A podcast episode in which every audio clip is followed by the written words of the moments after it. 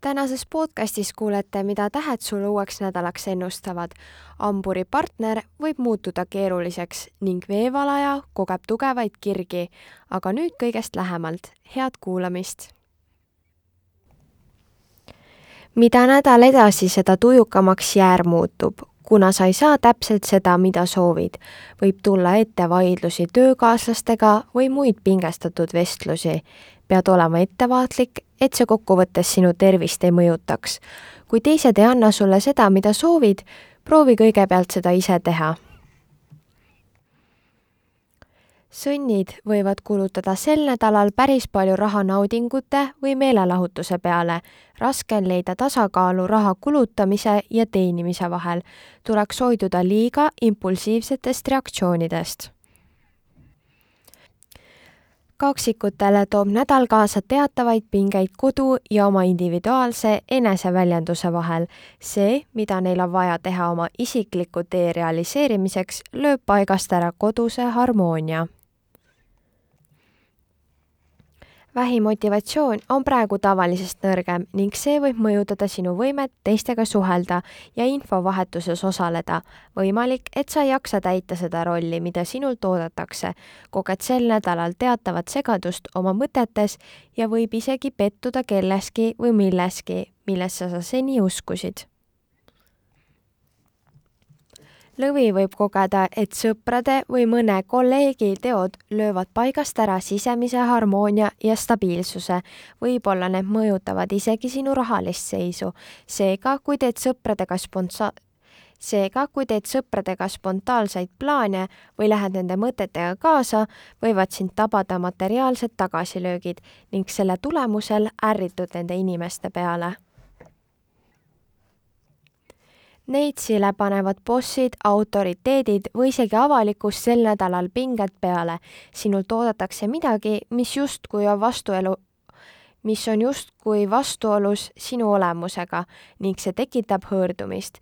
mõnes mõttes võib see olla ka stimuleeriv ja innustada asju teistmoodi tegema. igal juhul pead sa oma mugavustsoonist väljuma kaalud tahavad ühelt poolt tormata nelja ilmakaare suunas ja väga palju ette võtta, kuid see on täiesti vastuolus sinu sisemiste vajadustega, milleks on hetkel suurem privaatsus ja sissepoole vaatamine. peaksid vaatama ette, et sa kuidagi end lõhki ei rebiks, vastasel juhul sead oma tervise ohtu skorpioni tugevad isiklikud soovid ja tahtmised võivad mõne sõpruse sel nädalal ohtu seada. võid avastada, et sinu intensiivne ja isekas teguviis on kuidagi vastuolus sellega, mida pead harmooniliseks ning milliseid suhteid soovid oma elus hamburi partner või partnerid võivad muutuda sel nädalal keeruliseks ning visata nii mõnegi kaika kodaratesse. tegelikult on asi selles, et partner tahab ühte asja ja sinu karjäär, missioon või elutee nõuab temalt hetkel muud. hambur seab partnerite soovid eeskohale. seetõttu kannatab sinu kõrgem eesmärk või isegi maine